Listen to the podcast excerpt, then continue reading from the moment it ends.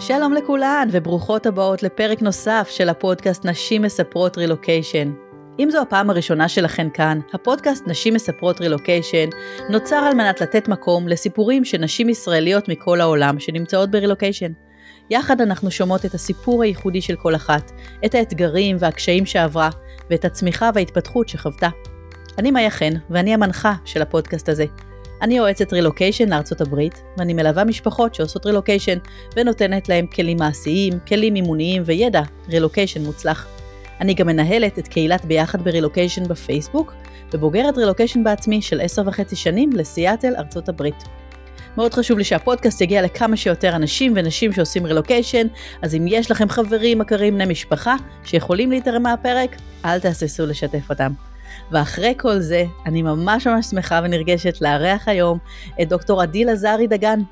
עדי היא מיילדת, היא עובדת בבית הספר לרפואה של ג'ונס הופקינס כבר 17 שנים, גרה בבולטימור, מרילנד, בארצות הברית, נשואה לרן ואימא ליונתן, בן 17 וחצי, ולנדב, בן 14 וחצי. היי עדי, מה שלומך? היי מאיה, בוקר טוב, ערב טוב בשבילך. כן, נכון, בוקר טוב. תודה רבה רבה שבאת והסכמת להתארח פה. חייבת להגיד שככה, כשככה התחלנו לדבר וראיתי שאת uh, באמת uh, אחות ומיילדת, אז אמרתי וואי, אני חייבת לדבר איתך, כי באמת עוד לא ראיינתי אף אחד שהייתה בתפקיד הזה, וגם כי יש לי סופט ספוט ממש לכל התחום הזה של uh, מיילדות, ואני חושבת שאם לא הייתי אה, עוסקת היום במה שאני עושה, אז כאילו, זה מה שהייתי עושה, כי תמיד ככה נורא נורא אהבתי את כל הסדרות של הרפואה וכל מה שקשור לתחום הזה. אה, אז אה, באמת תודה. והשאלה הראשונה שעולה לי בראש זה האם באמת יש רופאים חתיכים כאלה כמו בגרייז אנטומי? לא שאני פגשתי, לא בארץ ולא כאן, לצערי, אז לא. לא, אני, אני עוד מהאסכולה הישנה של ER, אז כן, חיפשתי את ג'ורג' קלוני במשך שנים בבית חולים, הוא לא. הוא לא, אוי, איזה אכזבה. הוא לא. והאמת היא שהתחום שאני נמצאת בו הוא מאוד מאוד מאוד נשי, ואיפה שאני עובדת יש לנו מעט מאוד רופאים גברים, רוב, ה, רוב אנשי הצוות, אחיות, מיילדות, רופאות, הרוב הכולל הוא נשי. כולל uh, מנהלת המחלקה שלי, כולל uh, אנשי המפתח שהם כולם נשים. אוקיי, okay. כן. שזה מדהים מצד אחד. שזה מדהים. אני חושבת שזה, כן, כן זה מעולה לעבוד כן. בסביבה כזאת, בטח זה, אני לא יודעת כן. אם יצא לך לעבוד בסביבה אחרת שהיא גברית, אני בטוחה שיש איזשהו הבדל, לא? לעבוד בסביבה כזאת של אנשים. אני מניחה, אבל אני חייבת להגיד ש... גינקולוגיה הייתה, היה מקצוע מאוד מאוד מאוד גברי במשך הרבה מאוד שנים, גם בארץ דרך אגב, לא רק בארצות הברית. נכון. אה, ולאט לאט אה, התחילו להיכנס נשים, ואני חושבת שברגע שאת אה, מבינה מגוף ראשון מה זה לעבור בדיקה, ומה זה, את יודעת, לשכב על מיטה חשופה לגמרי, וכשמישהו מפשפש באיברים הפנימיים שלך, ברגע שאישה עושה את זה, בעיניי, יש לזה איזשהו ערך מוסף. Mm-hmm. יש איזושהי קרבה, איזושהי שותפות גורל, אם תרצי לקרוא לזה ככה, ש, שכמה שיהיה גבר שיהיה רופא נשים מאוד אמפתי ו, ומכיל ונעים, זה עדיין לא אותו דבר. עדיין הוא לא יכול ללדת, מה לעשות? בדיוק, ועדיין הוא לא יכול להבין שכשהוא אומר, את יודעת, תרגישי לחץ או תרגישי כאב, הוא לא באמת מבין מה תרגישי. כן, נכון. כמו שאומרים, מה יותר קשה, את יודעת, ללדת או כאבי, או לקבל מכה באשכים, נכון? אז זה כזה, בדיוק. לעולם אי אפשר לדעת. כן. טוב, נו, אז קודם כל אכזבת אותי עם המקדרימי הזה, אבל לא נורא. האמת שאני באה מסיאטל, אז כולם חושבים שזה בית, שזה בית חולים אמיתי, אבל בתכלס אין גרייז ממוריאל, אין דבר כזה, אז אה, לא. כן. גם לא. לא נפגשתי אף פעם באף בית חולים, שוב, גם בארץ וגם, אה, וגם כאן, אני התחלתי בית ספר לאחיות בארץ ב-1998, אז את יודעת, 25 שנים בעולם הזה, לא ראיתי באף בית חולים שהרופא הוא זה שדוחף את המיטה ומכניס את הקתטר ועושה. אז כן, הסדרה הזאת היא מאוד לא... מאוד לא הגיונית מאוד, ו... מאוד לא משקפת ולא הגיונית, כן. כמה מפתיע. אבל אה, כן, אבל היא נענה. כן, בהחלט, בהחלט. טוב, אז נעבור מאזור הפנטזיות לאזור האמיתי. ואני אשמח שתתחילי ותספרי לי קצת על עצמך ככה, איך הגעת בכלל לתחום הזה, אם זה משהו שככה רצית לעשות מגיל מאוד צעיר, או... אה, אז אבא שלי רופא, ותמיד, ואחרי שההורים שלי גרשו גרתי עם אבא שלי, ותמיד תמיד תמיד הסתובבתי בבתי חולים, תמיד, בתור ילדה מאוד קטנה, אבא שלי היה רופא מרדים, הוא עבד בטיפול נמרץ, ואחרי זה הוא היה רופא, הוא עכשיו רופא שיקום, ותמיד הייתי מגיעה אליו לבית חולים לאכול את ארוחת ערב שהוא היה בתורנות, או בסוף שבוע, ותמיד נורא נמשכתי לזה, ואחר כך גם התנדבתי כשהייתי ילדה, התנדבתי במחלקת שיקום בהדסה הר הצופים כשגרנו עוד בירושלים. Mm-hmm. ותמיד ידעתי שאני הולכת לעשות משהו בתחום הזה, לא ידעתי בדיוק מה, אה, אבל משהו בתחום הזה, ואז בתיכון התנדבתי, הייתי בתיכון בכפר סבא והתנדבתי במד"א כפר סבא במשך שלוש שנים. וזה היה ברור שזה מה שאני הולכת לעשות. אה, ניסיתי להיות חובשת בצבא ולא יכולתי בגלל פרופיל נמוך, אז הייתי מש"קית ת"ש במקום.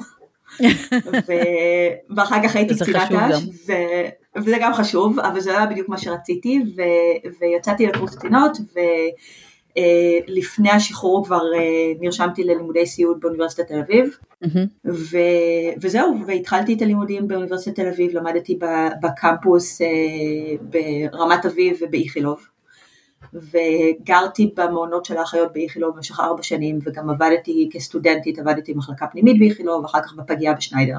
אף פעם לא באמת נמשכתי לכל העולם של מיילדות, או רפואת נשים, או כל הדברים האלה, זה בכלל לא היה בכיוון. מאוד מאוד אהבתי מיון ומאוד מאוד אהבתי ילדים. וכשסיימתי, okay. עבדתי כסטודנטית בפגייה בשניידר, וכשסיימתי את הלימודים הם הציעו לי להישאר שם כאחות. וזה היה נראה לי אוקיי. סבבה, אחלה מחלקה, אחלה אנשים, מאוד נהניתי מהעבודה עצמה. והייתה שם עוד מישהי שסיימה איתי את הלימודים באותה תקופה, היא למדה בבית ספר אה, לאחיות בבלינסון, ודיברנו על אה, להוציא רישיון אמריקאי, ואולי לנסוע על איזה שנה שנתיים לעבוד שם. Mm-hmm. לא משהו באמת יותר מדי רציני, זה היה יותר בגדר של פנטזיה, אבל באמת התחלנו להסתכל ולברר את כל התהליך. באותה תקופה, אני לא יודעת איך זה היום, זה גם שונה, זה תלוי מדינה בארצות הברית, איך מוציאים רישיון כשיש לך רישיון זר. אוקיי. Okay. אבל באותה תקופה זה היה אה, שני מבחנים באנגלית בארץ, זה היה טופל ועוד מבחן אה, באנגלית מדוברת, ואז מבחן ראשוני לאחיות שאת עושה בארץ, ואת המבחן האמריקאי, באותה תקופה היה צריך לטוס לארצות הברית ולעשות את זה בארצות הברית. ובאמת כאילו הכל, היא באיזשהו שלב עזבה את התהליך ואני פשוט המשכתי עם זה. וכשהגעתי לארה"ב לקחת את המבחן האחרון, החבר שלי אז שהוא בעלי היום, אה, יש לו משפחה מאוד רחוקה שגרה פה בבולטימור, אז היה הגיוני שאני אבוא לפה, אתארח אצלם, ואז אמרו לי למה שלא תתראייני כבר, כאילו את כבר פה, כאילו תראי את יכולה לקבל הצעת עבודה ומה יש להם להגיד, והופקינס עלה כאחת האוניברסיטאות הכי נחשבות בארצות הברית ובית חולים mm-hmm. ענק, אז באמת התראיינתי וקיבלתי הצעת עבודה, ולא רק וואו. הצעת עבודה, אלא הצעת עבודה מאוד אה, נדיבה עם green card ורילוקיישן וכל הדברים האלה, ואת יודעת, זה היה כאילו, זה היה no brainer להגיד כן לזה. ולקח המון המון זמן, שוב, אני לא יודעת איך זה היום, אני מניחה שדברים השתנו במהלך השנים, זה היה ב-2003. באותה תקופה הייתה מכסה אה, לפי מקצועות ולפי מדינות של green card ים שממשלת ארה"ב נתנה. Mm-hmm. ואני פספסתי כאילו את המכסה של 2003, אז ה green card שלי כאילו נכנס לבקשה רק ב-2004, ורק ב-2005 קיבלנו אותו. אז זה היה תהליך וואו. מאוד מאוד ארוך. כן, זה היה תהליך של כמעט שנתיים, ובסוף 2005 ה green card המיוחל הגיע, ואז כבר הייתי נשואה, וכבר היה לי תינוק בכמה חודשים. ו... ופתאום זה נהיה אמיתי. כאילו, כן. יש green card, יש חוזה עבודה חתום, יש תאריך יעד, אה, ואז קיבלתי רגליים קרות ולא רציתי לנסוע.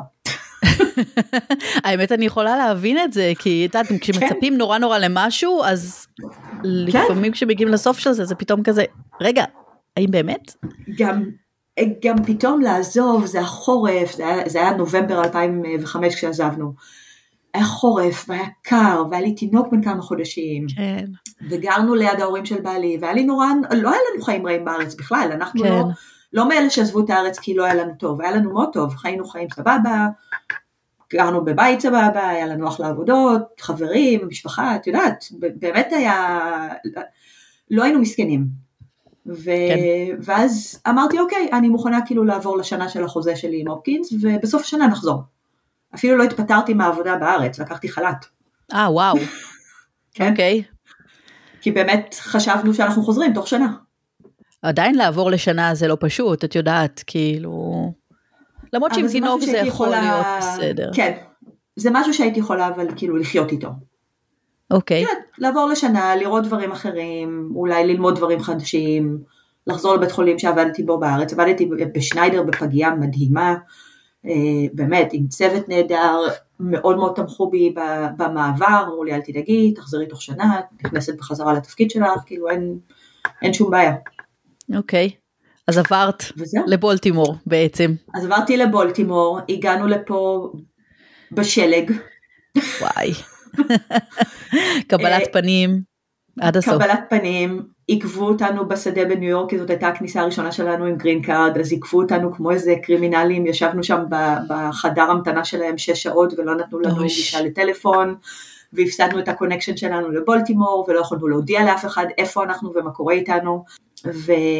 ואז נחתנו בבולטימור אה, באמצע הלילה, ונפגשנו עם הקרובי משפחה של בעלי, והתעוררנו אחרי יומיים, והתינוק הקטן, והמאוד מאוד, הוא היה פג, אז הוא גם היה מאוד קטן, אה, היה נורא חולה, אוי, ובקיצור, הנחיתה הייתה לא קלה, מזג אוויר נוראי, הוא היה חולה, לא, לא כך הבנו לאן הגענו, את יודעת, הבאנו מעיל מהארץ שחשבנו שיספיק, וקפאנו פה. אה, כאילו, אני זוכרת היה- את זה, כן. כן, גם אני הגעתי ככה לארצות הברית, בדיוק ל- לתקופה הזאת של ינואר, שלג, קור, כן. כזה, מה קורה, מה קורה פה? הדבר היחיד שאני זוכרת זה שהיה קר ושהיה אפור. כאילו, הסתכל, לאן שהסתכלת הכל היה אפור, שמיים אפורים, העצים ערומים, כאילו, אפור גם, ב, כן. גם בהרגשה אפור, וכל מה שרציתי זה לחזור הביתה. ברור, כי גם עוד לא ממש רצית לעבור, כן. והבן שלך היה חולה, וואי, זו התחלה ממש ממש קשוחה. זה היה נורא, וחודש אחרי היה לנו חודש להתארגן ו- ולעבור ל- לבית ולהתארגן על ציוד וריהוט וכאלה, זה, זה היה דווקא טוב שהגענו לפה חודש לפני תחילת העבודה, ואז אה, רן נשאר בבית עם, אה, עם התינוק ואני יצאתי לעבודה והתחלתי לעבוד כאחות בפגייה בהופקינס. אה, להופקינס יש כמה קמפוסים באזור מרילנד, אז התחלתי לעבוד בקמפוס המרכזי שזו פגייה ענקית. אוקיי. ואת יודעת, עזבתי תינוק אחרי חופשת לידה, הוא היה בן ארבעה וחצי חודשים. ו... והמשמרות פה הן לא משמרות של שמונה שעות, הן משמרות של 12 שעות, ואת יודעת, החורף פה הוא חשוך מאוד, את יוצאת בחושך, מהמם. חוזרת בחושך. זה היה נורא. כן, זה נשמע נשימה לא, לא קלה התחלה, בכלל, כן. ממש, נשמע התחלה ממש ממש לא כן. פשוטה ל... לתפקיד שרצית אותו המון המון זמן. רציתי אותו והתכוננתי, ו- וזה היה, את יודעת, זה היה 2005, זה היה לפני פייסבוק, זה היה לפני סמארטפון, זה היה לפני GPS. אני, אני נסעתי לעבודה עם אה, מפה מודפסת על נייר ממפקווסט, כדי לדעת איך להגיע מהבית לעבודה. לא היה GPS, גם נכון. לא, לא היה טלפון חכם, היה לנו כזה פליפ. חיים שונים לחלוטין, ולא הכרנו אף אחד, גם אי אפשר היה להכיר, כי באמת לא היו קהילות, לא היה פייסבוק, לא, לא, לא היה שום דבר מהדברים האלה. אוקיי, אז זה כבר מעלה בי את השאלה, אז עכשיו את ככה מתחילה לעבוד, את באמת עוברת את משמרות ארוכות, וכמו שאת אומרת, עוד אין פייסבוק, עוד אין קהילות, אז אה, איך את בעצם מכירה אנשים? אה, אני לא, אני מגיעה הביתה כל יום מהעבודה, בוכה, מסרבת להוציא את הבגדים מהמזוודות, כאילו הבגדים עוברים כביסה, חוזרים חזרה למזוודה, מנסים לחפש כרטיסי טיסה חזרה לארץ ולראות איך אפשר וואו. לבטל את החוזה, את החוזה עם אופקינס, עם העורך דין, ואיך אפשר לחזור לארץ, כי באמת היה, היה נורא, גם הקטן הוא עדיין לא היה בגן או במעון, הוא היה בבית, רן היה בבית בכלל מבודד, כי הוא גם לא יצא מהבית. כן. האוטו האחד שהיה לנו היה איתי בעבודה, היה שלג וקור, ויונתן היה חולה כל הזמן, אז גם אי אפשר היה לצאת לשום מקום. ואי אפשר היה להכיר אף אחד, זה באמת היה נורא, ועוד משהו, וזה משהו שאני אומרת לאנשים שאומרים לי שהם אה, עוברים לארה"ב או למדינה דוברת אנגלית, ואני אומרת אוקיי, למדתי, למדתי סיעוד בארץ. מהמם. עכשיו הלימודים כמובן בעברית, אבל הרבה מה, מהספרים ומהחומרים ומאמרים ש, שאת uh, נתקלת בהם בלימודים הם באנגלית, גם ב... את יודעת, יש לך קורסי אנגלית שאת צריכה לקחת uh, במסגרת כן. תואר. אז אני כל פעם אומרת, אני הגעתי לארה"ב, ידעתי אנגלית, ידעתי אנגלית ברמה מאוד טובה, גם עברתי את הטופל ואת הבחינת אנגלית מדוברת והכל היה סבבה, אבל לא ידעתי אמריקאית. כן. לא הבנתי את הסלנג, לא הבנתי את הניואנסים הקטנים, לא הבנתי... דוגמה, יש לך דוגמה? חל... אה, אה, את יודעת, בדיקות מעבדה, את מסתכלת על בדיקות מעבדה, אז האות K מייצגת אשלגן. אוקיי. Okay. ובארץ למדנו את זה כקליום, שזו המילה הלטינית של זה. ואני זוכרת שאמרתי פה קליום, והסתכלו עליי כאילו נפלתי מהירח, אבל באנגלית, באמריקאית, הם קוראים לזה פוטסיום. Mm-hmm. ולא לא הבנו אחד את השני. ואת יודעת, כל מיני כאילו סלנגים, כל מיני ניואנסים קטנים של, הייתי יושבת והייתי אומרת, excuse me, can you repeat it? כאילו פשוט לא הייתי מבינה, הם כאילו דיברו נורא מהר ונורא עם מבטא כן. כבד, ולא, כן, ו... לא היה קל. כן, ואת עובדת בפגייה, ואת צריכה להיות שם ממש כן. עם יד על הדופק, נכון? כי כן. הרי פגים זה מעכשיו לעכשיו, צריך לעשות טיפול. כן. אז איך כן הסתדרת? מה, מה עזר לך? הייתי, עבדו איתי אנשים באמת, היו שם כמה אנשים מקסימים, הייתה שם אחות אחת חרדית מאוד מבוגרת, אני חושבת mm-hmm. שהיא היום צריכה להיות קרוב ל-80 כבר, אבל היא, היא ממש לקחה אותי תחת אה, חסותה, אה, אישה חרדית עם פאה, עם שמלה. ארוכה, אה, שגם ידעה עברית, אז כאילו זה גם נורא, נורא עזר, והיא. גם, את יודעת, הזמינה אותנו בהתחלה לחגים ולערב שבת, וכאילו היא מאוד, אה, היא מאוד עזרה לי עם כל מיני דברים קטנים ש, שהיה לי קשה, לי קשה איתם בהתחלה. כן. אז זה היה נחמד. ומה שקרה זה שבכמה חודשים הראשונים היא הכירה לי א', אה, רופא מתמחה ברפואת ילדים ישראלי, שגר okay. אוקיי. שם, ו- והכרנו אותו ואת המשפחה, ו- ואנחנו עדיין חברים מאוד מאוד קרובים אחרי כל השנים האלה, ויש לנו ילדים בדיוק באותם גילאים, mm-hmm. אז זה היה דבר אחד שמאוד עזר. ודבר שני, היא הכירה לי מיילדת ישראלית שעבדה בחדר לידה של הופקינס. אה, וואו. שבינתיים, שבינתיים יצאה לפנסיה וחזרה לגור בארץ, אבל uh, היא בעצם זאת שככה הכניסה אותי לעולם המיילדות, כי בחיים לא חשבתי על זה. אז את בעצם אומרת שזה כן. מאוד מאוד עוזר כש... כשיש איזשהו גורם אחד שאת מכירה, שהוא נגיד, אה, את יודעת, נגיד בשפה שלך, או מכיר כן. את תחום התוכן שלך, ויכול לעזור לך אה, להיכנס לזה. לגמרי, לגמרי. גם גרנו בפרבר של בולטימור שהיה לא יהודי ולא ישראלי בכלל, כי באמת לא, לא הכרנו. אמ, ומה שקרה זה שבסיום השנה הראשונה, אולי פחות, אני חושבת שזה היה בערך ביולי, אז זה היה בקיץ, א', מזג האוויר התחיל להשתפר והתחלנו קצת לצאת, ורן התחיל לעבוד, ומצאנו בית באזור היותר יהודי-ישראלי, ועברנו לכאן ושמנו את יונתן בגן יהודי, ואת יודעת, ולאט לאט את מתחילה להכיר אנשים. כן. אז, בעיקר בטח דרך הגן. דרך הגן דרך זה אזור מאוד, כן. כן, דרך מאוד טובה להכיר. אה, דרך הגן והלכנו לכל מיני פעילויות ב-JCC ו- ולאט לאט באמת התחלנו להכיר, אה, התחלנו להכיר אנשים, את גם מתחילה להתרגל למקום, לעבודה, לשפה. מה קרה כשהגיעה שנה? אז כשהגיעה שנה אה, התקשרתי, אה, זה היה ביום ראשון בבוקר, שזה יום חופש בשבילנו, אבל בארץ עובדים, התקשרתי לבוסית שלי בארץ. והייתה שיחה ככה מאוד אה, נרגשת, שאמרתי לה שאני מתפטרת ואני לא, לא ממשיכה לחל"ת לשנה שנייה. ומה שעוד קרה זה ש... אמרתי לך שהכרתי מיילדת אה, ישראלית שעבדה פה בחדר לידה בהופקינס, כן. והיא כל הזמן אמרה לי, את יודעת, את צריכה לחזור ללימודים, גם אם את חוזרת לארץ, את צריכה לעשות תואר שני, ואת צריכה אה, לעשות משהו, ואם תלמדי מילדות פה, זה משהו שאת גם יכולה לעשות אותו אחר כך בארץ, אז כאילו זה לא משהו שילך לאיבוד. כן. אז אמרתי אוקיי, והיא ככה די, אה, די דחפה אותי לתחום שבכלל לא, לא חשבתי שיעניין אותי, והיא אמרה לי בואי, בואי תהיי איתי יום שלם בחדר לידה ותראי מה אני עושה, ו, ותראי אם זה בכלל, אם זה משהו שמתאים לך. והאמת היא שכן, הייתי שם איתה ומאוד נהניתי, ואמרתי אוקיי, למה לא? ונרשמתי וואי. ללימודים, והתחלתי, אנחנו עברנו בנובמבר 2005, ובאוקטובר 2006 התחלתי את הלימודים. וואו, אוקיי. אז אפילו כן. לפני, ממש לפני שהסתיימה השנה. כן, ממש כאילו, ב, כן, בזנב של השנה הראשונה. אוקיי, okay, וכמה זמן הלימודים האלה של תחום הילדות? אז הלימודים היו אמורים להיות שנתיים וחצי של לימודים במשרה מלאה, אבל אה, אני תוך כדי הייתי בהיריון עם הילד השני שלי והייתי בשמירת הריון, אז זה לקח לי קצת יותר משלוש. או סליחה, לקח לי שלוש, לא קצת יותר משלוש. שלוש שנים. והיום את מיילדת. והיום אני מיילדת, סיימתי את הלימודים ב-2009, ופשוט נשארתי, נשארתי בהופקינס, אבל עברתי לקמפוס אחר, mm-hmm. ועברתי כאילו מהצד של הבית חולים לצד של האוניברסיטה. אז פיזית אני עובדת בבית חולים עם פציינטיות, אבל אני כאילו שייכת לאוניברסיטה. אוקיי. Okay. האמת שמעניין אותי קצת לשמוע כזה על בית חולים אמריקאי, כי כמו שהתחלנו להגיד, יש לנו המון המון תפיסות של אה, איך הדברים קורים שם, אבל זה כנראה לא האמת. אז אולי לא. תספרי לי קצת, גם מתוך הפגייה וגם מתוך ה...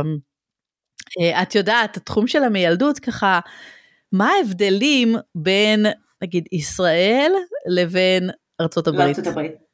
אז ככה, ב... אני לא יודעת אם יצא לך להיות בשניידר אי פעם, אבל זה בניין יפהפה. חדש ונקי ויפה ומטופח, ובאמת, כאילו, את נכנסת לשם, הלובי מצופה בשיש ומעליות שקופות, ותמיד יש שם קישוטים ובלונים, וכאילו, בית חולים לילדים. כן. וכשהגעתי להופקינס, עכשיו יש שני מגדלי אשפוז חדשים, שאחד זה המגדל הכללי ואחד זה המגדל ילדים, אז זה באמת נראה אחרת לגמרי, אבל כשאני התחלתי שם זה עדיין היה מבנה מאוד מאוד ישן, מ-1800.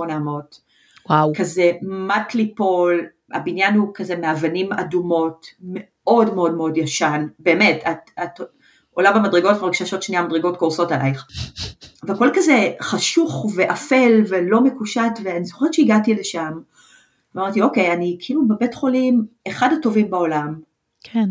זה, כאילו, זהו? זה זה? זה? באתי מכזה מקום יפה, באמת, עם אנשים כל כך מוכשרים, עם, עם אחיות ורופאים, אנשים שבאמת אה, יודעים לעשות הרבה מכלום. Mm-hmm.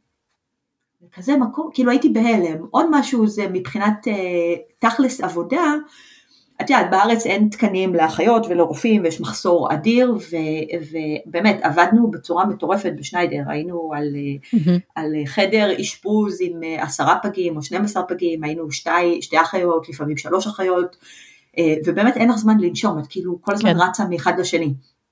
ואני מגיעה להופקינס, ואני מגיעה למשמרת של 12 שעות, ואני מקבלת אה, שני תינוקות לטפל בהם כל 12 שעות. אני זוכרת שאמרתי לעצמי, כאילו, אני אתחרפ... אני אמות משעמום, כאילו מה אני הולכת לעשות פה 12 שעות עם שני ילדים? ואיך התמודדת עם זה? זה כל כך שונה, אבל לא, כאילו, כי את מבינה ש, שבארץ בהרבה מאוד מהמקרים, את, את כאילו מכבה שריפות, את עושה דברים נורא נורא מהר כי אין את הזמן. כן. זה לא אמור להיות ככה, אבל את יודעת, אנשים כל כך, באמת, כל כך מוכשרים בארץ, רמת הלימודים בבית ספר לאחיות, כי אני גם מלמדת פה אה, סיעוד, mm-hmm. רמת הלימודים בבית ספר לאחיות היא, היא כל כך גבוהה מבחינת הלימודים ומה שה, שהאחיות בוגרות בארץ מקבלות, שאת את מצליחה להסתדר גם בתנאים שהם לא מדהימים, כי, כי את, את יודעת להפעיל את הראש, את יודעת לחשוב מעבר לקופסה, את יודעת אה, להסתדר עם מה שאין. ולתת טיפול המיטבי שיכול להיות, אבל אז את מגיעה למקום אחר ואת אומרת וואלה זה יכול להיות כאילו זה יכול להיות אחרת. כן. אז האם הרגשת בעצם שהמעבר לארה"ב היה נגיד, אני לא אגיד ירידה, אבל את יודעת, כאילו קצת פחות לקח מהיכולות שלך, נגיד אם מי שבא מארצות הברית, את אומרת בא לישראל, אז עכשיו הוא לומד יכולות של לצאת מהקופסה, של לעבוד בלחץ וזה, ואת באת לארצות הברית, לגמרי. להפך, אז מה את קיבלת משם, מתוך השנה לגמרי, הזאת? לגמרי, אני, אני יכולה להגיד לך ש... אה, יש פה בפגייה, כאילו, איך שאת מניחה פגים באינקובטור ואיך שאת משכיבה אותם מאוד uh, חשוב לגבי ההתפתחות שלהם והתזוזה וכאלה. Mm-hmm. ו- וכאן, ובארץ כאילו אין כל מיני דברים מיוחדים, אז היינו לוקחים, את יודעת, uh, שמיכה ומגלגלות אותה, או קושרות אותה בכל מיני דרכים, כדי לעשות כמו קן לתינוק, כדי להניח אותו בצורות מסוימות. כן. Uh, ואני זוכרת שהייתה לנו פיזיותרפיסטית שעבדה איתנו והסבירה לנו על כל מיני מנחים של פגים. כאן בארצות הברית מגיע, יש כל מיני קריאות כאלה מיוחדות, וזה ואז יום אחד שלא היה כריות במחלקה, הכל היה בכביסה, וכאילו לא היה כריות, אז לקחתי סמרטוט, כזה לא סמרטוט, צמיחה, כן. וגלגלתי אותה, והאחיות היו פה בהלם, כאילו מה את עושה? כאלה דברים פשוטים. Uh, מה קיבלתי? קיבלתי, uh, את יודעת, יש לך יותר זמן באמת לשבת ובאמת לעבור תהליך עם מטופל ולדבר עם המשפחה שלו, וכאילו, באמת לעשות את כל הטיפול מאלף ועד תף בלי לדלג על אף שלב ובלי לעשות את זה נורא נורא מהר, כי יש את הזמן בשביל זה. כן. יש לך את הזמן לשבת ולקרוא על זה וללמוד את זה, ולא רק לטפל בתינוק שיש לו את המצב הזה, ואז בבית אם יש לך כוח את יכולה כאילו לקרוא על זה. לא, את, את, את עושה את זה תוך כדי עבודה. וואו. אז זה, זה... זה משהו ש, שחסר בארץ, שוב, בגלל, לא בגלל שהאחיות בארץ לא יכולות, האחיות בארץ מדהימות, זה בגלל שאין את ברור. הזמן ואין את התנאים. ואת יודעת, את נותנת לשתי אחיות חדר שלם של תינוקות שחלק מאוד חולים וחלק פחות. אין מה לעשות, את חייבת לזוז מהר. נכון, לא אין ברירה. כלום. כן. אין ברירה. כן, אין ברירה, וזה לא פייר לאחיות, וזה לא פייר לפצנטים. לפגים ולהורים, כן, נכון. כן, אבל אתה מסתדר עם מה שיש. דרך אגב, כן, אני בסטודנטית עבדתי במחלקה פנימית, אותו דבר. זה, זה בדיוק, זה אותו דבר אה, בכל מחלקה, בכל, אה, בכל מחלקה, בכל בית חולים שתהיי בו בארץ, זה, זה המצב, אין תקנים, אין כסף, אין אנשים. ארה"ב זה רפואה פרטית, ולכן אני חושבת שיש יותר כסף, ארה"ב נכון? זה רפואה, זה רפואה פרטית, יש הרבה יותר כסף מבחינת uh, שכר. Mm-hmm. את יודעת, מצד שני, הרפואה שניתנת פה לאזרחים היא לא שווה. כן. נתקלת באיזשהו אה, מקרה שבו את יודעת, נגיד הגיעה איזה אימא ולא יכלה לקבל טיפול, או ש... לא. אז א', אני עובדת בבית חולים שהוא אה, הוא, הוא אומנם פרטי, אבל הוא non profit. אז mm-hmm. זה שייך לארגון שהוא ללא מטרת רווח. אה, וזה שייך לאוניברסיטה. ודבר שני, אנחנו עובדים בתוך העיר, אז האוכלוסייה היא מראש אוכלוסייה מאוד מאוד חלשה. Okay.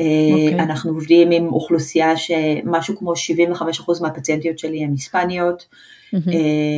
מה שנקרא undocumented, מהגרות ללא אשרה. אז כן. אין להם שום תנאים סוציאליים פה והן עדיין מגיעות ומקבלות טיפול ויש כל מיני, אה, אה, את יודעת, כל מיני אה, federal grants שנותנים כיסוי לדברים האלה. ובארצות הברית העבירו חוק, אני חושבת שזה עבר בתקופת אובמה, בתקופה הראשונה שלו כנשיא, עבר חוק שנקרא אמתלה, שזה אומר שמישהו שמגיע לבית חולים במצב חירום, והיריון ולידה כמובן שזה מצב חירום, חייב לקבל טיפול בלי קשר לביטוח, כן ביטוח, לא ביטוח, כן אזרח, לא אזרח, לא משנה. כן, שמעתי על זה. חייב לקבל, כן.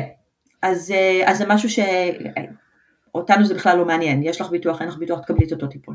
טוב, האמת שגם ב... טוב, בישראל יש אה, ביטוח אה, קופת חולים כללית, אז או מכבי לא משנה, אז כולם מקבלים את, ה... כן. את הטיפול שהם צריכים במצב הזה. ובישראל למהגרים לא חוקיים גם יש, יש איזושהי אפשרות לביטוח דרך המדינה, בטח למקרה חירום.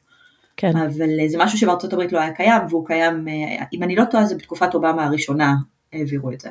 יש לך איזה סיפור כזה לספר, משהו ש... אני יודעת, קצת פיקנטי מאיזושהי אה, משפחה שהייתה, או סיפור שנחרט לך אה, כזה מרגש מהתחום של הפגות, או מילדות, או... יש לי המון, יש לי אחד אישי ואחד אה, של פציינטית, אז אחד האישי, את יודעת, בולטימור היא, היא עיר מאוד אה, אלימה. Mm-hmm. אה, ובמהלך השנים, את יודעת, כל הרצח מאדום לשחור וכל הדברים האלה, זה, זה, הבסיס של זה זה The Wire, זה הכל אה, קרה פה בבולטימור. אה, ובאמת במשך שנים זאת הייתה העיר עם אחוז הרציחות והפשיעה הכי גבוה בארצות הברית. וואו. כן, לא כל כך בשנים האחרונות, זה באמת מתחיל להירגע, אבל העיר עצמה היא עיר מאוד מאוד אלימה, כנופיות וסמים ו- ובלאגן. Mm-hmm. ועבדתי בפגייה אולי שנה וקצת, ועבדתי משמרת לילה, וירדתי לקומה הראשונה ללובי של הבית חולים עם אחת האחיות לקנות סודה במכונה. והכניסה הראשית לבית החולים הייתה שם, והיה שם שומר. עכשיו, השומרים mm-hmm. פה בארצות הברית הם לא חמושים. כן. אז יושב שומר בכניסה, אה, ויש כמו מין גלגלת כזאת מתכת שאת יודעת, את נכנסת דרכה. ואנחנו למטה במכונת אה, שתייה, ואת יודעת, נאבקות עם המטבעות שאת מכניסה מטבע וזה נופל וכאלה, כן. פתאום מישהו רץ לתוך בית החולים, קופץ מעל המתכת הזאת, מישהו רץ אחריו, קופץ אחריו, יורה בו, קופץ חזרה לכביש, והבחור ירוי על הרצפה, כאילו. oh my god. Oh כן. ואנחנו עומדות שם ליד המכונת שתייה, מנסות להבין כאילו מה, מה קרה פה. איך מתקדמים מפה עכשיו כאילו, וואו. למרות שכשחושבים על זה, את יודעת, אם כבר שמישהו יירה בך, אז בתוך בית חולים זה כנראה כן, אה? יותר טוב. יואו, אלוהים, איזה פחד. לא, זה היה מטורף, ממש, כאילו... זה בטח בכלל לא נקלט כזה, ב, ב, לא. שיש איזה משהו מפחיד שיכול היה להיות... הכל היה נורא נורא מהר, אבל כאילו בסלואו מושן, כאילו את זוכרת כל שנייה, אבל זה כאילו, זה כן. הכל היה אולי דקה. יואו. מטורף, וכמובן שישר הגיעו מלא אנשים וזה, ואנחנו, את יודעת, ויתרנו על הסודה ועלינו חוזר על המחלקה. אלוהים אדירים, יואו. אבל זה לא משהו נגיד שאני חושבת שאי פעם היה קורה בה, אני לא יודעת, אולי עכשיו זה אחרת, אבל אה, לא משהו שבכלל הייתי חושבת עליו כשגרתי בארץ, אבל פה זה, את יודעת, כן. אמריקה, נשק, נשקים לכולם ו... כן, תראי, יש היום מקרי. אלימות לצערי לא מעט בבתי אה, חולים בישראל. אז, אה, אז בוא נגיד שזה הגיע גם לפה, כן, אבל יואו, זה איזה היה מטורף. מפחיד, ממש. זה, זה באמת באמת היה נורא מפחיד. ויש לי, אה, הייתה לי פציינטית, ילדה מקסימה, בת 16, היא הייתה בכיתה י' והיא נכנסה להיריון, היא הייתה במסיבה עם 16. החבר שלה, בת 16 הייתה במסיבה עם החבר שלה והם שכבו, זה היה הפעם הראשונה שהם שכבו והיא נכנסה להיריון. מהמם. היא ראתה אותי במרפאה במהלך כל ההיריון, אז בערך כל ש... בין שבועיים לשלושה שבועות הייתי רואה אותה לביקורת הריון, והיא, אני זוכרת שלקראת סוף ההיריון, שזה היה בקיץ, ממש לקראת אה, סיום שנת הלימודים, אה, היא ביקשה ממני שאני אתן לה מכתב לבית ספר, מתי היא אמורה ללדת, כדי שהיא תוכל לעשות את כל המבחני סיום שבוע קודם, כדי שלא יקרה מצב שהיא תלד והיא תפספס את, ה... את המבחנים. אה, מבחני סיום של כיתה י'. ונתתי לה את זה, ואני זוכרת ש... אה, באה עם אימא שלה פעם אחת, ואימא שלה אמרה לי, את יודעת, אנחנו לא, לא משפחה כזאת של אה, הריונות מחוץ לנישואים וכאלה, אנחנו כאילו, היא אמרה לי, אנחנו משפחה נורמלית. אמרתי לה, מה זה נורמלית? קורה שנכנסים להריון, לא יעזור כלום. כן, ואז דיברתי איתה ואמרתי לה, את יודעת, את, אל תתני לזה כאילו להחליט מי את כל החיים. בסדר, אז נכנסת להיריון כטינג'רית ואת יולדת תינוק, אבל זה לא מה שאת, את מעבר לזה. וואי. וקיצור, את יודעת, עברו השנים, היא סיימה את התיכון, מהמם. והיא עכשיו באה אליי בהיריון השני שלה. אה, היא סטודנטית לסיעוד, יואו. כן? סיימה תיכון, והיא עכשיו מקסים. אה, היא סטודנטית לסיעוד, היא שנה שלישית אה, סטודנטית לסיעוד. כן. איזה מהמם. כן. וואו. טוב, השפעת עליה קצת- כנראה. התוכניות שלה קצת השתנו, את יודעת, היא לא נסעה לקולג' מחוץ לבית, היא הלכה לקולג' מקומי כדי שהיא תוכל לגור בבית וההורים שלה עזרו לה עם, ה, עם התינוק שהוא אה, אוטוטו בן שש. יואו. בסדר, אבל היא עדיין הלכה ו- ועשתה משהו. והיא הלכה ולמדה ו, ולא ויתרה. כל הכבוד. ו, כן. והיא כן. מסיימת, היא עכשיו שנה שלישית, היא מסיימת עוד שנה וחצי את, ה, את הלימודים שלה. יפה כן? מאוד. זה משהו שאמרתי וואלה, כאילו זה, זה ככה יושב לי טוב בלב, הסיפור הזה. בהחלט, אני בטוחה שהשפעת על הרבה מאוד אנשים. אני חושבת שממה שזכור לי, את יודעת, על המיילדות שהיו לי, זה, זה זמן שהוא כל כך רגיש, ש, שבאמת אם יש שם מישהי כן. ש, שהיא איתך ו, והיא רגישה אלייך והיא מקשיבה והיא יכולה כל כך לשנות את התהליך הזה עבורך. אז זה אה, זמן שהוא, ואני חושבת שמה שטוב במקצוע שלנו כאן זה שאנחנו רואות את הפציינטיות האלה כל ההיריון. ואני רואה אותה גם אחר כך, גם אחרי ההיריון אני- רואה אותה והיא באה אליי למרפאה והיא באה אליי לעשות את הפאפסמיר ולעשות את הבדיקה השנתית שלה, אה, כי אני לא, אני לא מתעסקת רק ב obstetrics, רק במיילדות, אני מתעסקת גם בגינקולוגיה. אז כאילו אני אוקיי. רואה את הפציינטיות האלה גם, את יודעת, גם שנים אחר כך אני עוד רואה אותן שהן מגיעות אליי. אה, וזה משהו שבארץ, דרך אגב עכשיו ארגון המיילדות אה, מנסה לשנות, שהם יוכלו לראות פציינטיות במהלך ההיריון ולעשות מעקב הריון, כדי שתהיה איזושהי המשכיות של הטיפול, שהם אה, לא יפגשו את הפציינטית פעם ראשונה בחדר לידה. נכון, האמת אני חושבת שזה ממש חשוב. בדיוק, שיהיה איזשהו קשר שכבר קיים. כן, אני יודעת שהם אה, הגיעו לכנסת וניסו ככה, ועדיין מנסות לעשות אה, מאבק מאוד מאוד כן. חשוב דרך אגב.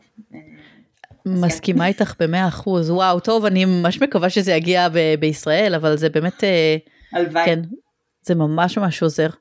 את נתקלת בבאמת הרבה, נקרא לזה נערות שמגיעות אלייך? המון, המון, המון, המון, המון. יש לי עכשיו ילדה בת 13, אה, וואו. שבהיריון. ומה מה עושים עם זה? את יודעת ככה מה, יש איזה דרך שאתם בתור הבית חולים או המקום ליד שמנסה לעזור ל, לחינוך? אנחנו מערבים, מערבים את, ה, את העובדת סוציאלית. אה, החינוך המיני בארצות הברית הוא מאוד אה, תלוי אה, משטר. אז ברגע שיש לך נשיא דמוקרטי, אז יש חינוך מיני ויש אמצעי מניעה, וזה מכוסה על ידי ביטוחים, ויש יש כסף שהולך לדברים האלה. ברגע שיש לך נשיא רפובליקני, הכל נסגר. כן. כן, אז נגיד בתקופת טראמפ לא היה חינוך מיני בכלל, הכל יצא מבתי הספר. וואו. כן, זה, זה מאוד מאוד משמעותי בדברים האלה. את יודעת, מנסים לעשות הרבה חינוך, אבל אה, שוב, בסופו של דבר, זה, זה הרבה יותר גדול ממה שאנחנו יכולים לעשות כ, כבית חולים. זה משהו שצריך להיות ברור. יותר מרכזי. ברור, וזה כן. משהו שלצערי בחוסר אדיר כאן. כן. אני לא טוב, אני לא יודעת אם את יודעת בהשוואה לישראל, איך זה, כי היא לא עבדת בתחום של מילדות בישראל. לא. אז אה, אני לא יודעת כן. איך זה בהשוואה לישראל, אני פשוט חושבת על עצמי בבית ספר מבחינת שיעורי חינוך מיני, וכאילו אנחנו ידענו מה זה הדברים האלה. וכאן אה, הילדים שלי, אני, אני דיברתי איתם בבית כמובן, אז הם, הם ידעו, אבל אה, מה שהם גם למדו בבית ספר, הילדים שלי הולכים בבית ספר אה, פרטי יהודי, אז מהמם. יש שם את החינוך הזה, אבל שוב, אני לא מספיק ולצערי לא, לא מספיק מוקדם. כן. טוב, אני יודעת שבכלל, אני חושבת שזה משהו שצריך להיכנס, לא משנה מה, בכל העולם, הרבה יותר. כן. אה, באמת בלא להתבייש לדבר על הנושאים האלה, נושאים כל כך כל כך חשובים, ובטח היום עם כל הסושיאל מדיה, לא להגיע למצב שהילדים לומדים את זה מתוך הטיק טוק, אינסטגרם וכזה, אלא לבוא ולדבר לגמרי. איתם. לגמרי. נגיד, את חושבת שהיית יכולה, או נשאל את זה אחרת, אם עכשיו היית יכולה לקחת משהו מתוך מה שלמדת ב-17 שנה האחרונות בבית חולים, ולהביא אותו לבית חולים בישראל, מה זה היה? סבלנות. סבלנות. מה זה סבלנות. אומר? לשבת ולהקשיב למי שמדבר איתך, לא להתפרץ לתוך הדברים, לתת לבן אדם לסיים את המשפט שלו, להקשיב גם כשדעות הן לא מה שאתה חושב, גם כשזה מנוגד לחלוטין למה שאתה חושב. אה, את יודעת, אנחנו, אנחנו רואים חדשות מהארץ כל יום, וזה מדהים אותי, ראינו אתמול את הפאנל של אה, אולפן שישי. טוב, אני לא רואה, אבל כן. את יודעת, בן אדם לא יכול להוציא מילה מהפה. כן. זה כאילו מסוג הדברים האלה, השתתפתי פה בפאנל, אה, בפאנל של אה, אה, דולות ומיילדות ו- ואנשי רפואה על, על שימוש בסמים במהלך ההיריון. מהמם. ובאמת זה היה פאנל פתוח עם המון שאלות, ואף אחד לא העז לדבר כשזה לא היה התור שלו לדבר. גם אם, את יודעת, הייתה מישהי שאמרה משהו שנורא הרגיז אותי והיה לחלוטין מנוגד ל, ל, ל, למידע שקיים, אתה, אין כזה דבר שאת נכנסת למישהו באמצע, את מחכה כן. בשקט, מקשיבה, נותנת לכולם לשמוע. וזה משהו שגם לי לקח, לקח זמן פה, כי את יודעת, אני בכל זאת ישראלית, ולקח לי זמן. נכון. כן, אבל זה מה שאני קוראת לדבר אמריקאית. כן. נכון, כן. זה לכבד את הבן אדם האחר שיושב מולך ולהקשיב שנייה, באמת כן. להקשיב מה הוא אומר ולא להתפרץ לדברים ולא, את כן. יודעת, מה שבכלל הרבה מאוד מאיתנו נוטים זה עוד לפני שמישהו סיים לדבר, את כבר אומרת לעצמך בראש מה את כן. רוצה להגיד לו, אז את כבר בכלל לא מקשיבה למה שהוא אומר. בדיוק. כאלה, כן. זה משהו שהייתי, וזה משהו שאני חושבת שבתחום שלנו הוא מאוד מאוד חשוב. אוקיי, באמת חשוב. ומה מהכיוון השני? מה הייתי מביאה מהארץ לפה? כן, קצת את החוצפה, קצת את החשיבה החוצה. את יודעת, העולם הוא לא שחור לבן, יש הרבה אפור באמצע. אה, את יודעת, לדעת להסתדר עם, עם הדברים שיש, ולא להגיד, אוקיי, הדבר הזה לא קיים עכשיו, אז אני לא יכולה לעשות את זה. כן, לא, כאילו אפשר לחשוב ואפשר אה, עדיין לעשות.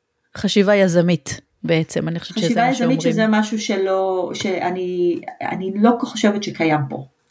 מהמם. החשיבה פה היא, היא, ושוב, אני נותנת הכללות כמובן, וזה לא נכון לכל מקום, זה לא נכון לכל אדם, וזה משהו שאולי ב- במקומות שהם יותר אה, גדולים, נגיד כמו ניו יורק, שמבחינתי זה אפילו לא ארצות הברית, זה כאילו, זה מקום אחר לגמרי. טוב, 50 מדינות, אולי- את יודעת, כל מדינה. אולי פחות קיים, אבל ב, ב, באמריקה עצמה, כאילו, החיים הם מאוד, אה, הם מאוד פשוטים, כאילו, יש לך אה, סט של חוקים, יש לך סט של פרוטוקול, זה מה שאת עוקבת, וזהו. וכל עוד הדברים נופלים בתוך הפרוטוקול, בתוך המסגרת, אז כולם שמחים ומאושרים, אבל ברגע שמשהו משתנה, אנשים פה מאבדים את העשתונות. נכון. זה משהו שבארץ אה, אנשים יודעים להסתדר. כן, נכון. אז אני אומרת, אחרי כל זה את מאמינה, או את חושבת שהמעבר לארצות הברית וללכת לבית חולים אמריקאי, לעבוד בו, זה, זה נתן לך, או זה בתכלס אולי ניוון יכולות מסוימות? אני לא חושבת, אני חושבת שזה נתן לי המון, אה, כי אני גם חושבת שעשיתי עם זה דברים. את יודעת, לא, לא נשארתי ב...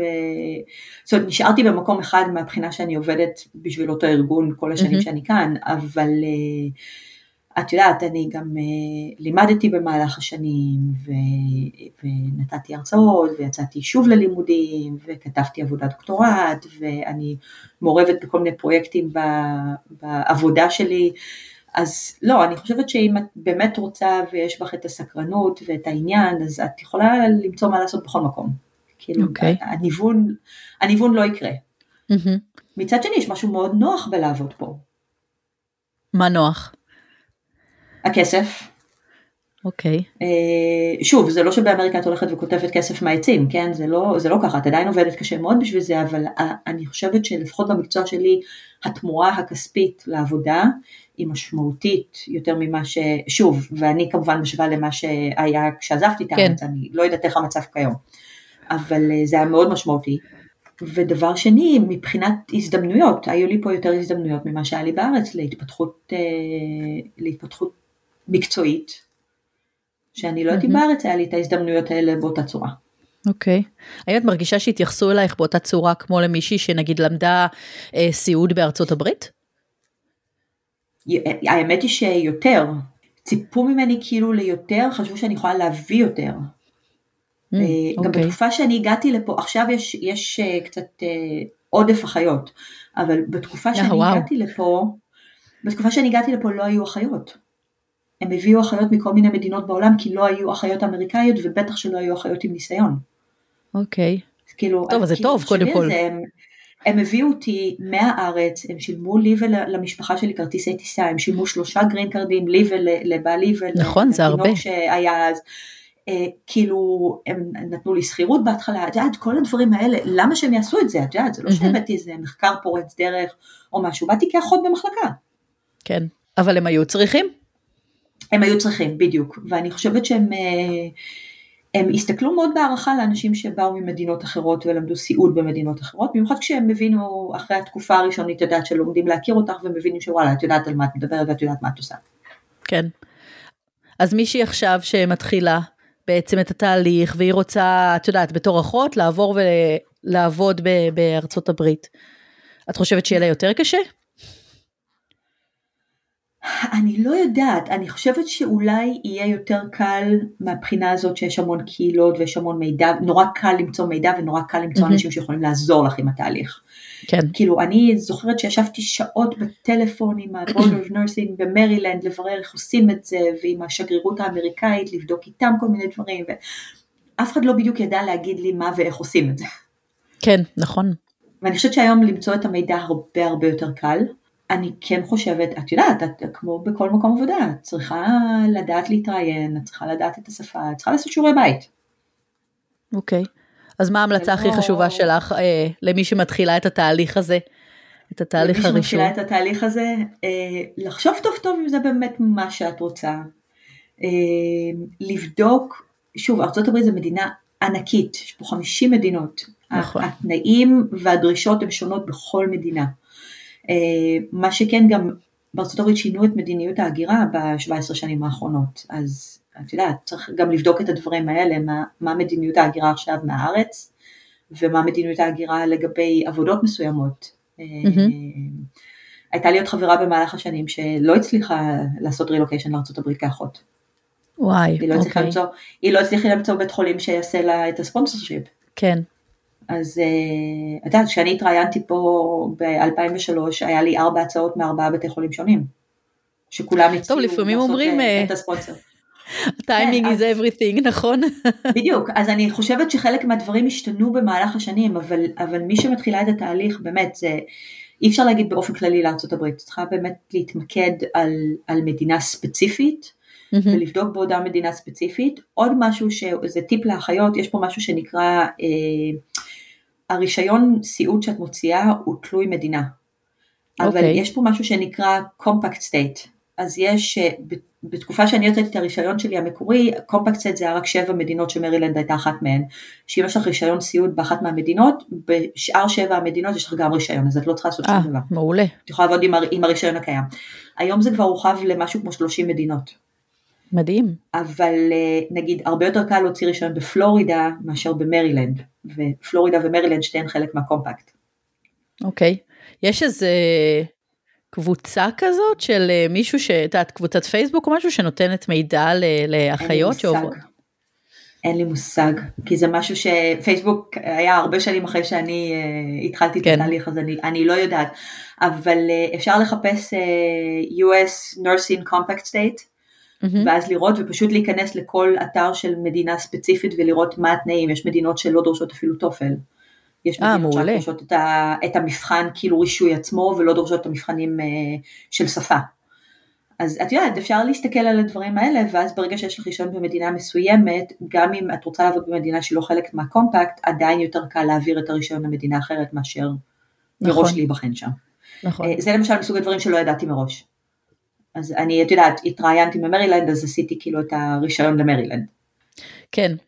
לא חשבת שאולי אז זה- במקום אחר אפשר, אה, יכול להיות קל יותר. לא היה לי מושג שיש הבדלים בין המדינות, מבחינתי זה היה, אתה יודע, אני חשבתי ישראל, את כן. את נבחנת במקום אחד זה, זה אותו דבר, אבל לא, יש, יש המון דברים שאת לא יודעת עד שאת, אה, עד שאת בתכלס עושה את זה. ממש ככה. אני עכשיו בתור, את כן. יודעת, בייעוץ, אני רואה כמה הבדלים יש באמת בין המדינות השונות, שזה כן. באמת מטורף. כן, מטורף. כשאנחנו עברנו לפה במרילנד אי אפשר לפתוח חשבון בנק בלי social security number. אז היינו צריכים לחכות עד שהמספר שלנו הגיע, ורק אז היה אפשר, אבל יש מדינות שבהן אפשר לעשות את זה. נכון. אז אה, שוב, זה, זה, זה מהדברים שאת את לא יודעת עד שאת באמת, אה, זה, עד שאת באמת אה, מגיעה, שאת באמת מגיעה לפה. כן. כן. עכשיו אני, ממש מעניין אותי לשמוע, כי בעצם התפקיד שלך הוא תפקיד מאוד מאוד דורש. המון המון שעות, אמרת משמרות של 12 שעות, ו- ובאמת, ואת היית עם שני תינוקות קטנים בבית, אז מה, מה היו מעגלי התמיכה שלך בתוך, אה, בתור זה שבעצם באת עם בעלך? מה- מה עזר לך מה, מבחוץ? יש לי בעל מדהים שבאמת אה, הוא אימא נהדרת והוא עשה הכל. ותמיד אמרנו שאת יודעת, את עוברת לפה עם בן זוג ובלי משפחה ובלי תמיכה חיצונית, וזה או שזה יעשה אתכם או שזה יהרוג אתכם. כן, כאילו אין, אין אמצע, אין לאן לברוח. ו, ומה שזה עשה לנו זה, זה רק חיזק ורק, את יודעת, אנחנו לא מהזוג הדביק שמביא פרחים כל הזמן וכותב פוסטים דביקים ונשפכים בפייסבוק וכאלה, ממש לא, אף פעם לא היינו כאלה. אבל uh, כשהייתי צריכה uh, להציג את הדוקטורט שלי בפני כאילו הפקולטה וה, והמחלקה שלי, אז הוא היה מחובר איתי בזום ודאג שהכל יעבוד כמו שצריך ושהמחשב יעבוד ושהסליידס יעברו אוטומטית ושכאילו הטיימינג יהיה ואת יודעת במאני טיים הוא פה, כן, ידע לעשות uh, את הכל. מעבר לזה ושוב זה משהו ששמנו לב אליו אחרי שעברנו כי אמרתי לך בהתחלה גרנו באזור מאוד לא יהודי ולא ישראלי ובאמת לא הכרנו אף אחד. מהמם. ברגע שעברנו לאזור היותר יהודי ישראלי ו- והילד התחיל ללכת לגן את, את מכירה חברים שהופכים להיות משפחה. מהמם. נכון, וזה החברים הכי טובים שלנו שהם הזוג הראשון שהכרנו כשעברנו לארצות הברית גרים פה בבית שמולנו. יואו, איזה כיף, כן. איזה כיף. הבת שלהם עם הגדול שלנו בשכבה, הם הולכים לקולג' בסוף השנה הזאת, אבל הם נוסעים לבית ספר כל יום ביחד, והדלתות פתוחות והבתים פתוחים, וארוחות, חגים, שבתות, תמיד, כן. את יודעת, אה, מישהו חולה בבית ספר צריך לאסוף אותו, אני יכולה להתקשר אליה והיא תלך לאסוף את כן, הילד שלי. יואו.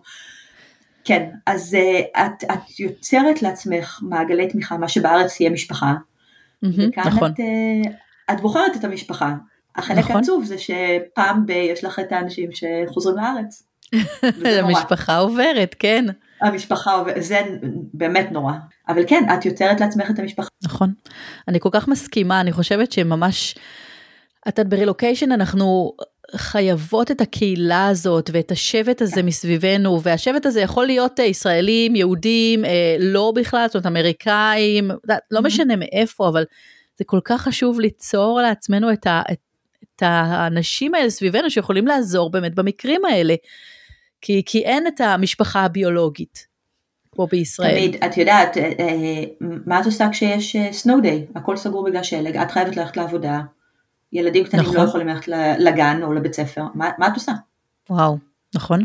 את יודעת, הדברים האלה, הייתי בשמירת הריון עם הקטן שלי, אז הייתי מאושפזת, והיה לנו ילד בן שנתיים וקצת בגן, וזהו. מה, מה עושים? לא, את יודעת, היו לי לא מעט מקרים של, היה איזה מקרה אחד שבעלי כן. לא היה, ואני בדיוק באותו זמן, העדשה שהייתה לי בעין נקרעה. עכשיו מה אני עושה? שלושה ילדים קטנים, אני לבד, עדשה. את יודעת, אז ישר הפעלתי אחת מהחברות, והילדים הלכו לשם, ואני לרופא, וכן, חייבים, לא, חייבים זה... את התמיכה הזאת. זה הרגשה של חוסר אונים בהתחלה, ובאמת, אני חושבת שהתקופה שה... הראשונית שלנו כאן, אני קוראת לזה השנה הראשונה, למרות שזה לא היה בדיוק שנה, זה היה מנובמבר עד uh, יולי בערך, שעברנו לבית שלנו. Uh, התקופה הראשונה הייתה כל כך בודדה. כן. באמת נכון. לא הכרנו אף אחד וגם לא היה איך להכיר, לא היה, את יודעת, לא היה כלב ברחוב, הרחובות היו שוממים, היה חורף, היה קר, לא, לא ידענו אפילו איפה להתחיל להכיר אנשים. כן, באמת זה, זה היה נורא, אבל אז, אה, את יודעת, הקיץ הגיע, השמש יצאה. ו... כן, הייתה לכם ו... התחלה באמת ממש קשוחה. הייתה התחלה לא, לא פשוטה בכלל, אבל אה, שוב, זה גם, את יודעת, זה בסופו של דבר אה, תרם למי שאנחנו, גם כיחידים וגם כמשפחה. זה בטוח, אבל את יודעת, יכול להיות שאם לא היית מכירה את אותה כן. מיילדת שהכירה לך מישהו אחר, יכול להיות שכן היית אחרי שנה חוזרת לישראל ואומרת... אה, לגמרי, לגמרי. זה היה התכנון, אני לא, לא תכננתי להישאר פה, היה, היה לנו כל כך רע פה, באמת. היה, היה רע. זה באמת לחפש, לחפש את ה... אפילו לפעמים באמת צריך לחפש פיזית את האנשים האלה שיכולים לעזור לך, גם אם אולי נראה לך כן. בהתחלה כמו ש... את בטח לא חשבת שמי שהכי תעזור לך היא מישהי חרדית, אבל יודעת, להוריד את התפיסות האלה שיש בראש ולהגיד, כן, אולי היא יכולה לעזור לי, אולי היא יכולה לחבר אותי, mm-hmm. לקשר אותי. וככה זה, וככה זה היה. ועכשיו אני חושבת שיש יתרון אדיר לקהילות ו- נכון. ולפייסבוק, ואני רואה ישראלים חדשים שמגיעים לפה, מגיעים לפה לא מעט ישראלים, אין פה קהילה ענקית בבולטימור, ויש קהילה לא קטנה. Mm-hmm. של ישראלים שמגיעים לפה, הרבה מאוד מגיעים לעשות אה, פוסט דוקטורט או מגיעים לעשות מחקר ומגיעים באמת לתקופה קצובה של, אה, אני יודעת מה, בין שנתיים לחמש בדרך כלל, אבל זה נורא קל, כי אנחנו מקבלים התראה, מגיעה משפחה לזה, למי יש ציוד, למי יש ריהוט, למי יש, את יודעת, במהלך השנים הייתי מסיעה אנשים לעבודה. Mm-hmm. אני גרה פה בשכונה הזאת ואני עובדת בהופקינס והמון אנשים עובדים בקמפוס שלי, אז את יודעת, עד שהם מתארגנים על רכב או על על כל אפשרות אחרת, אז הייתי מסיעה בבוקר ומחזירה אחרי צהריים. קרפול. כן, לגמרי, אבל אה, זה, זה משהו שכאילו לנו בהתחלה לא... נכון. לא הייתה אפשרות אפילו להגיע לזה. אין ספק שמי שעובר היום יותר קל לו. יותר קל לו. אפילו הלכתי בבית חולים, יש שם כזה מחלקה בינלאומית, והלכתי ואמרתי להם, אתם יודעים, אני מישראל, ואם יש לכם פה עוד אנשים שהגיעו מישראל, אני מאוד אשמח אם אה, תקשרו, אבל בארצות הברית יש את כל הקטע של ה-privacy, כן. אז הם לא חולקים, ואמרתי, אבל אני אתן לכם את הטלפון ואת האימייל שלי, כאילו תעבירו את זה. כן. ועד כדי כך היינו כל כך אה, נואשים. אבל הם עשו את זה? לא. לא, זהו, הם לא... כן. אין להם את זה, זה... המנטליות היא מאוד אחרת. כן, נכון, זה מאוד לשמור על הפרטיות שלך, ואני חושבת שהשבט הזה שאנחנו מדברות עליו, השבט הקהילה שכל כך חשובה, זה משהו שהוא... לא כל כך uh, תופס עדיין בארצות הברית, או לא כל כך משמעותי, או שמים עליו דגש. הוא מאוד אחר, כן, הוא מאוד מאוד אחר. Uh, אני יכולה להגיד לך שאחרי כל השנים שלנו פה, uh, יש לנו קבוצה של חברים אמריקאים, הבן הגדול שלנו היה שחיין תחרותי במשך הרבה מאוד שנים, והכרנו באמת uh, בנבחרת שלו, uh, היינו הישראלים היחידים וכמעט היהודים היחידים. והכרנו שם אנשים שבאמת בילינו איתם סופי שבוע שלמים בתחרויות, במלונות, בנסיעות ממקום למקום, ו, ורק לפני, אני יודעת מה, אולי חצי שנה, זאת הייתה הפעם הראשונה שהזמנו אותם אלינו הביתה. הזמנו קבוצה של אה, חמישה זוגות שהגיעו אלינו הביתה לארוחת ערב, וזה היה הפעם הראשונה שהזמנו כאילו, הייתה ממש קבוצה של חברים אמריקאים, לא מהעבודה וכאלה, אלא חברים, כן. כן. אני חושבת וזה היה שכן, נורא, זה- כן, זה היה נורא, זה היה נורא מוזר, היה נורא כיף. אבל זה היה אחר.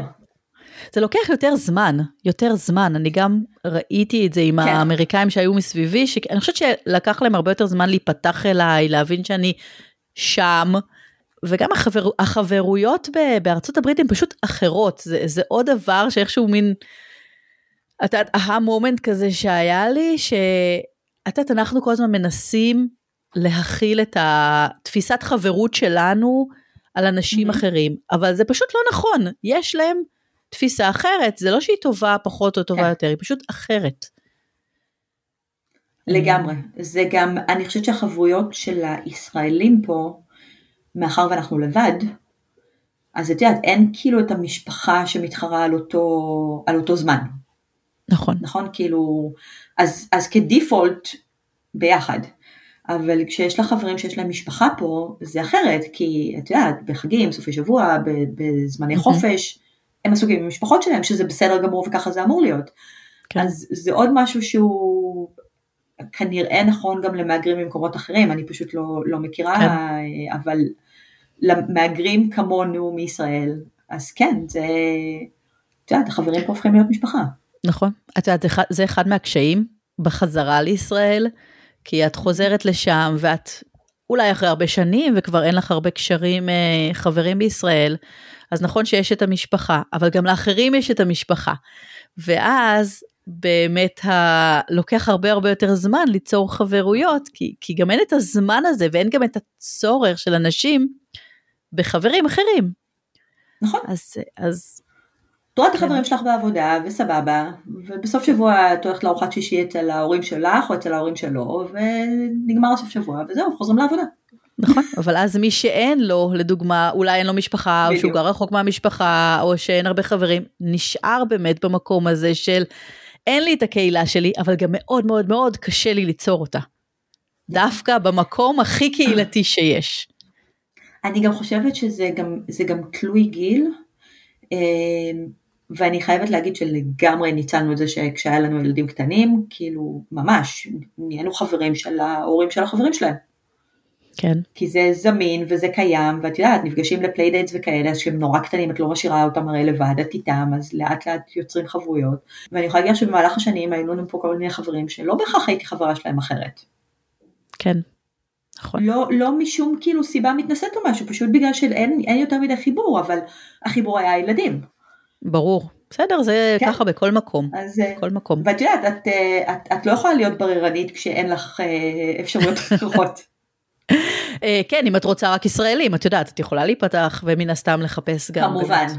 אבל זה, כן. זה, יש פה גם את פערי התרבות והשפה. יש פערי תרבות, אני יכולה להגיד לך שבאמת החברה אולי הכי קרובה שהייתה לי אי פעם, היא בחורה שעובדת איתי, גם מיילדת, עשינו את הדוקטורט שלנו ביחד, אנחנו עובדות ביחד אה, כבר 14 שנים. וואו. היא בכלל במקור, היא הגיעה מניגריה לארה"ב כשהיא הייתה בת שמונה, ההורים שלה, המשפחה שלה ברחה ממלחמת האזרחים בניגריה בתחילת שנות ה-80.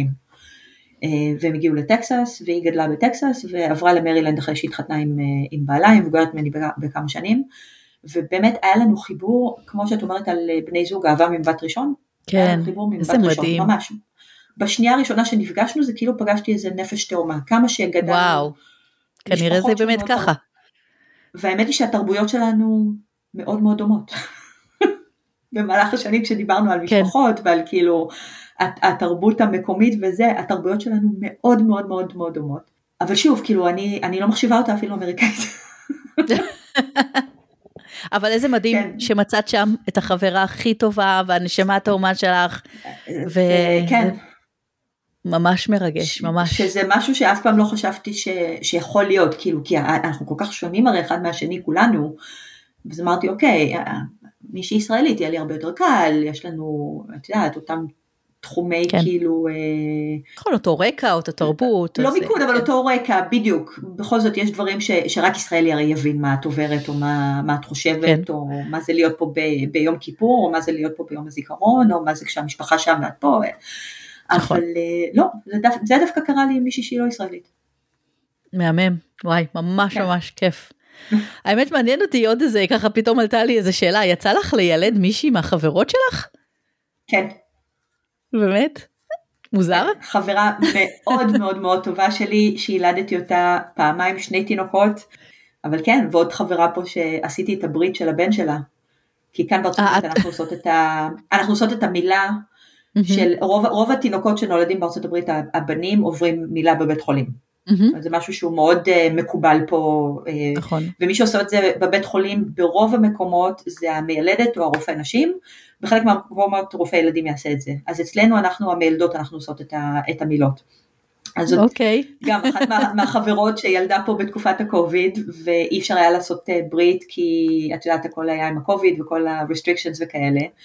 אז היא שאלה אותי אם אני יכולה לעשות את זה בית חולים. אז כמובן שזה לא היה דתי כי אני לא מוהלת, אבל... כן. אבל כן הקראתי, מצאתי בפייסבוק, לא בפייסבוק, בגוגל את הנוסח של הברכה.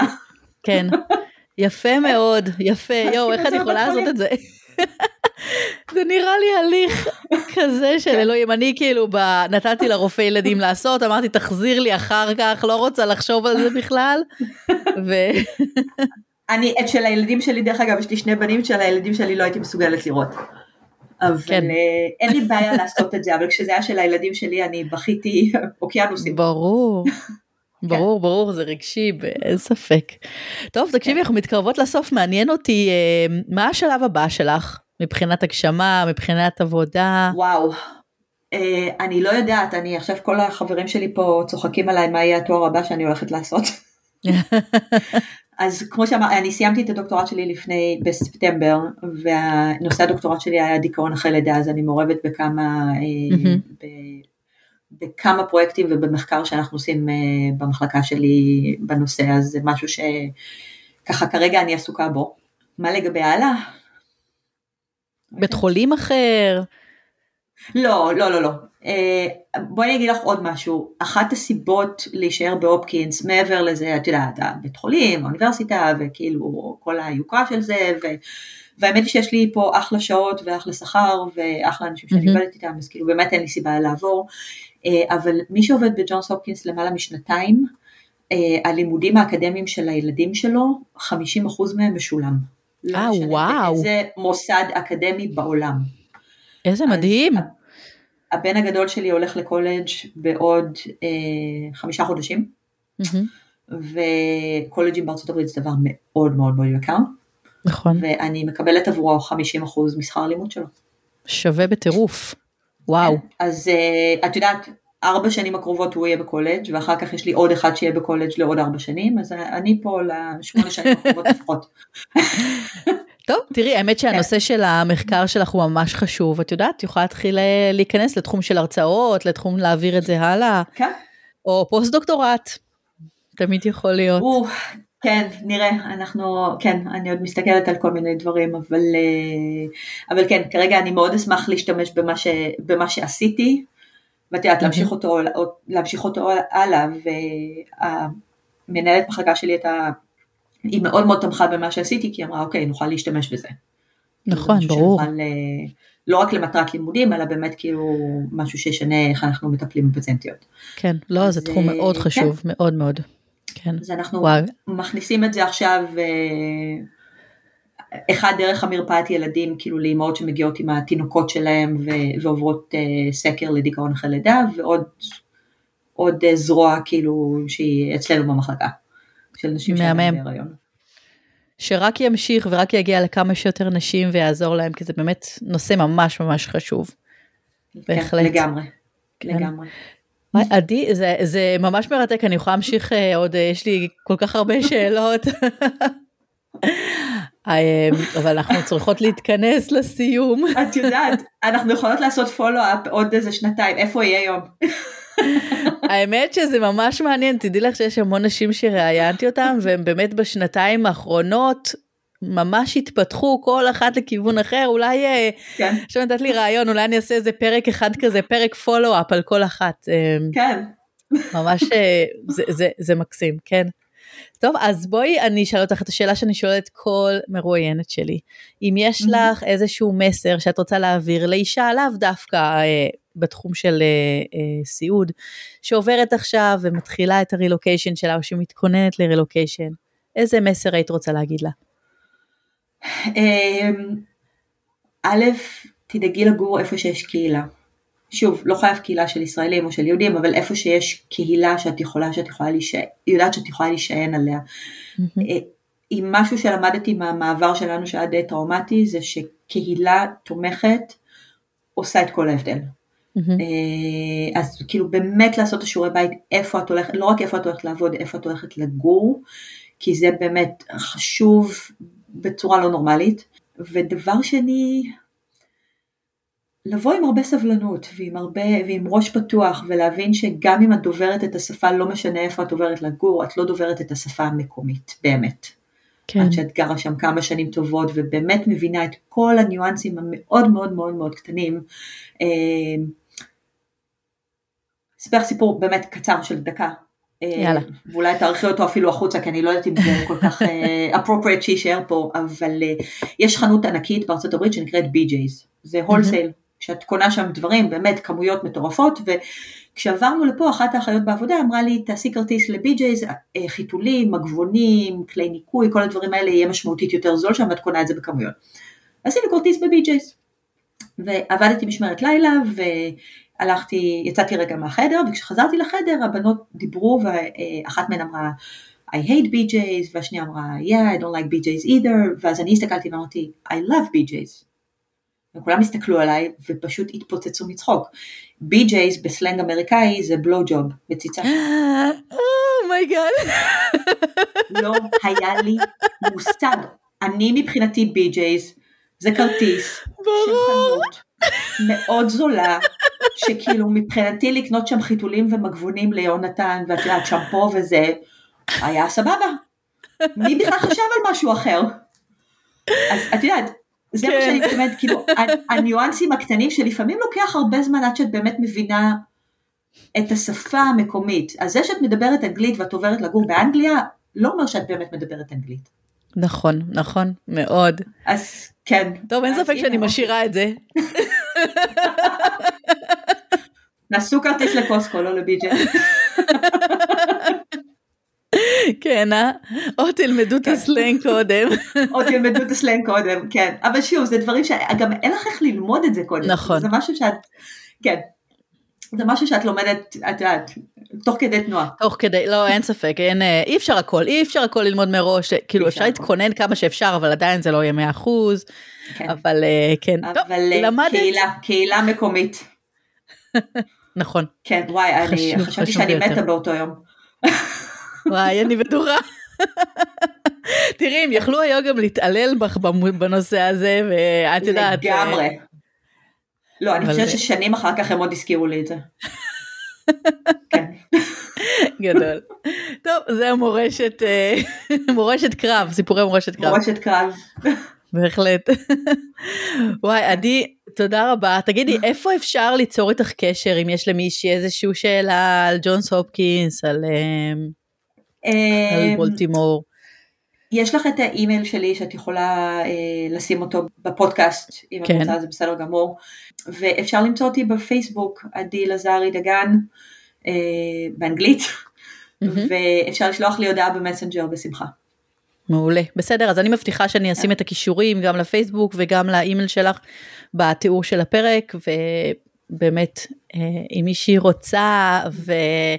כל מה שקשור למה שעדי דיברה, אז בבקשה תבואו וככה תנסו ותשלחו, וכל מי שגר בארצות הברית יודע שבאמת זה הכי חשוב, שאנחנו תמיד רוצים לעזור כמה שיותר, כי שוב, אנחנו היינו במקום הזה שבו גם נעזרנו. Mm-hmm. אז, אה, אז כן, המון המון לגמרי. תודה. כן. תודה רבה, מאיה. בבקשה, וואי, היה ממש ממש מרתק, אז ממש תודה. היה כיף גדול. אה, ותודה רבה לכן המאזינות הנפלאות והיקרות שהקשבתם לעוד פרק של הפודקאסט נשים מספרות רילוקיישן. אני מאיה חן, אני ממש מקווה שנהניתן מהפרק הזה, וכמובן שאם נתרמתן, אני אשמח שתשתפו אותו ברשתות החברתיות, עם האהובים שלכם, כל דבר שיעזור לפודקאסט להגיע לעוד אנשים ונשים ברילוקיישן.